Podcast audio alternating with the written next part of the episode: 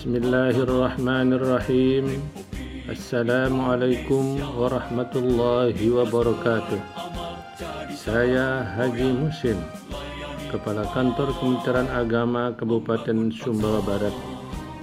Program Bahasa Totang ini merupakan salah satu sarana dalam memberi bimbingan keagamaan kepada masyarakat khususnya di Kabupaten Sumbawa Barat ini. Semoga kiranya program Bahasa Totang ini bisa diterima dan bermanfaat bagi masyarakat. Selamat menikmati. Wassalamualaikum warahmatullahi wabarakatuh.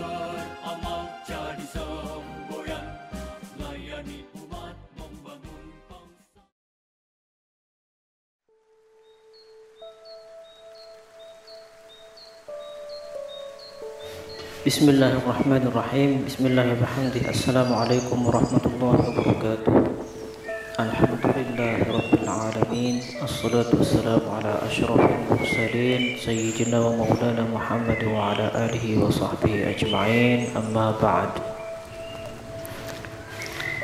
معاشر المسلمين بابا إبو يندب dimuliakan الله سبحانه وتعالى taala. Saya penyuruh agama Islam non PNS atas nama Khairul Hamidi yang bertugas di wilayah kantor Kecamatan Cereweh. Pada kesempatan kali ini ingin menyampaikan satu hadis. Rasulullah Shallallahu Alaihi Wasallam pernah bersabda yang diriwayatkan oleh Al Imam Al Bukhari dan Al Imam Muslim di mana Rasulullah Shallallahu Alaihi Wasallam bersabda Inna kariha salasatan.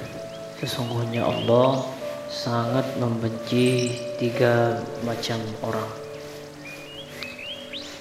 Sebagaimana yang kita ketahui bahwa setiap kalimat yang didahului dengan kata inna atau anna maka itu maksudnya adalah kesungguh-sungguhan.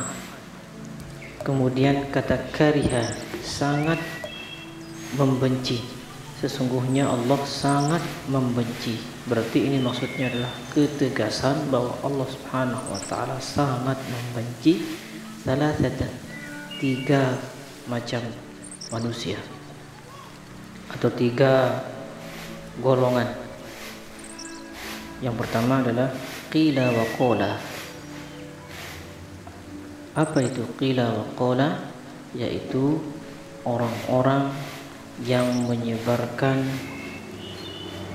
sesuatu berita yang belum tentu benar adanya. Atau dalam bahasa milenial sekarang hoax. Jadi siapa saja yang menyebarkan berita hoax maka termasuk dalam yang dikariha oleh Allah Subhanahu wa taala sangat dibenci oleh Allah Subhanahu wa taala.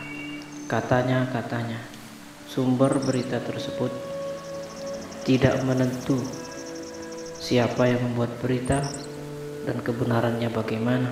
Dan kita yang mendengarkan tersebut menerima atau menelan mentah-mentah bukan hanya menelan mentah-mentah tapi ikut juga menyebarkan berita tersebut maka tergolong dalam kategori ila waqala kemudian yang kedua adalah idha'atul mal. Idha'atul mal ini artinya menyia-nyiakan harta banyak orang yang diberikan rahmat oleh Allah Subhanahu wa taala yang bisa mendekatkan diri kepada Allah dengan cara mengerjakan amal-amal soleh seperti puasa sunnah, puasa Daud, puasa Senin Kamis, uh, sholat malam dan lain sebagainya. Nah, bagi kita yang tidak bisa melakukan ibadah-ibadah amaliyah amaliyah sunnah tersebut Jangan putus asa, jangan iri terhadap amalia-amalia orang. Banyak cara yang Allah berikan kepada kita supaya kita sebagai hamba ini dapat mendekatkan diri kepadanya. Salah satunya adalah melalui harta. Allah kasih kita rezeki yang murah, yang banyak. Sebenarnya itu adalah titipan yang Allah titip kepada kita agar kita gunakan supaya bisa mendekatkan diri kepada Allah Subhanahu wa taala, bukan malah menyia-nyiakannya. Sungguh besar kasih sayang Allah Subhanahu wa taala kepada kita. Tidak bisa puasa, kita tidak bisa puasa sunnah, tidak bisa membaca Al-Quran tidak bisa sholat malam dan lain sebagainya tidak bisa wirid-wiridan maka ketika Allah berikan kita harta maka gunakanlah harta itu jangan sia-siakan. Gunakanlah harta itu untuk mendapat kemuliaan di sisi Allah mendapatkan tempat yang baik di akhirat kelak. Kemudian yang ketiga adalah kasratus soal kasratus soal ini adalah golongan orang-orang yang banyak bertanya terhadap sesuatu yang telah jelas penjelasannya. Contohnya kita kasih contoh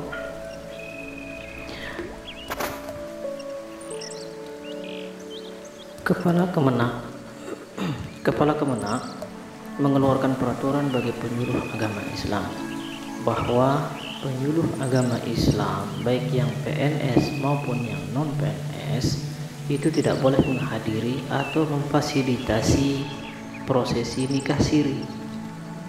Itu aturan dikeluarkan oleh Kemenak nah ketika sudah jelas sesuatu diturunkan peraturan ini diturunkan oleh Kemenak maka kita jangan banyak bertanya lagi. Oh kenapa? Nikah itu kan ibadah sunnah. Oh, kenapa kita dilarang? Ini kan sama saja dengan melarang mengerjakan sunnah. Nah, bukan itu maksudnya kemenang. Tapi merupakan uh, sanksi bagi setiap orang yang nikah di luar uh, administrasi negara kesatuan Republik Indonesia. Nah, kita yang sudah jelas diberikan aturan seperti itu, maka jangan banyak bertanya lagi. Kenapa, kenapa, kenapa? Jangan bertanya, jangan banyak bertanya kepada sesuatu yang telah jelas dan itu sangat dibenci oleh Allah Subhanahu wa taala. Baik saya ulangi lagi hadisnya. Inna Allah kariha salasatan. Sesungguhnya Allah sangat membenci tiga golongan. Itu yang pertama qila wa qula. Katanya katanya seorang yang menyebarkan hoax menerima berita hoax dan mengikut menyebarkannya. Kemudian yang kedua adalah idha'atul mal menyia-nyiakan harta. Dan yang ketiga adalah kasratus su'al.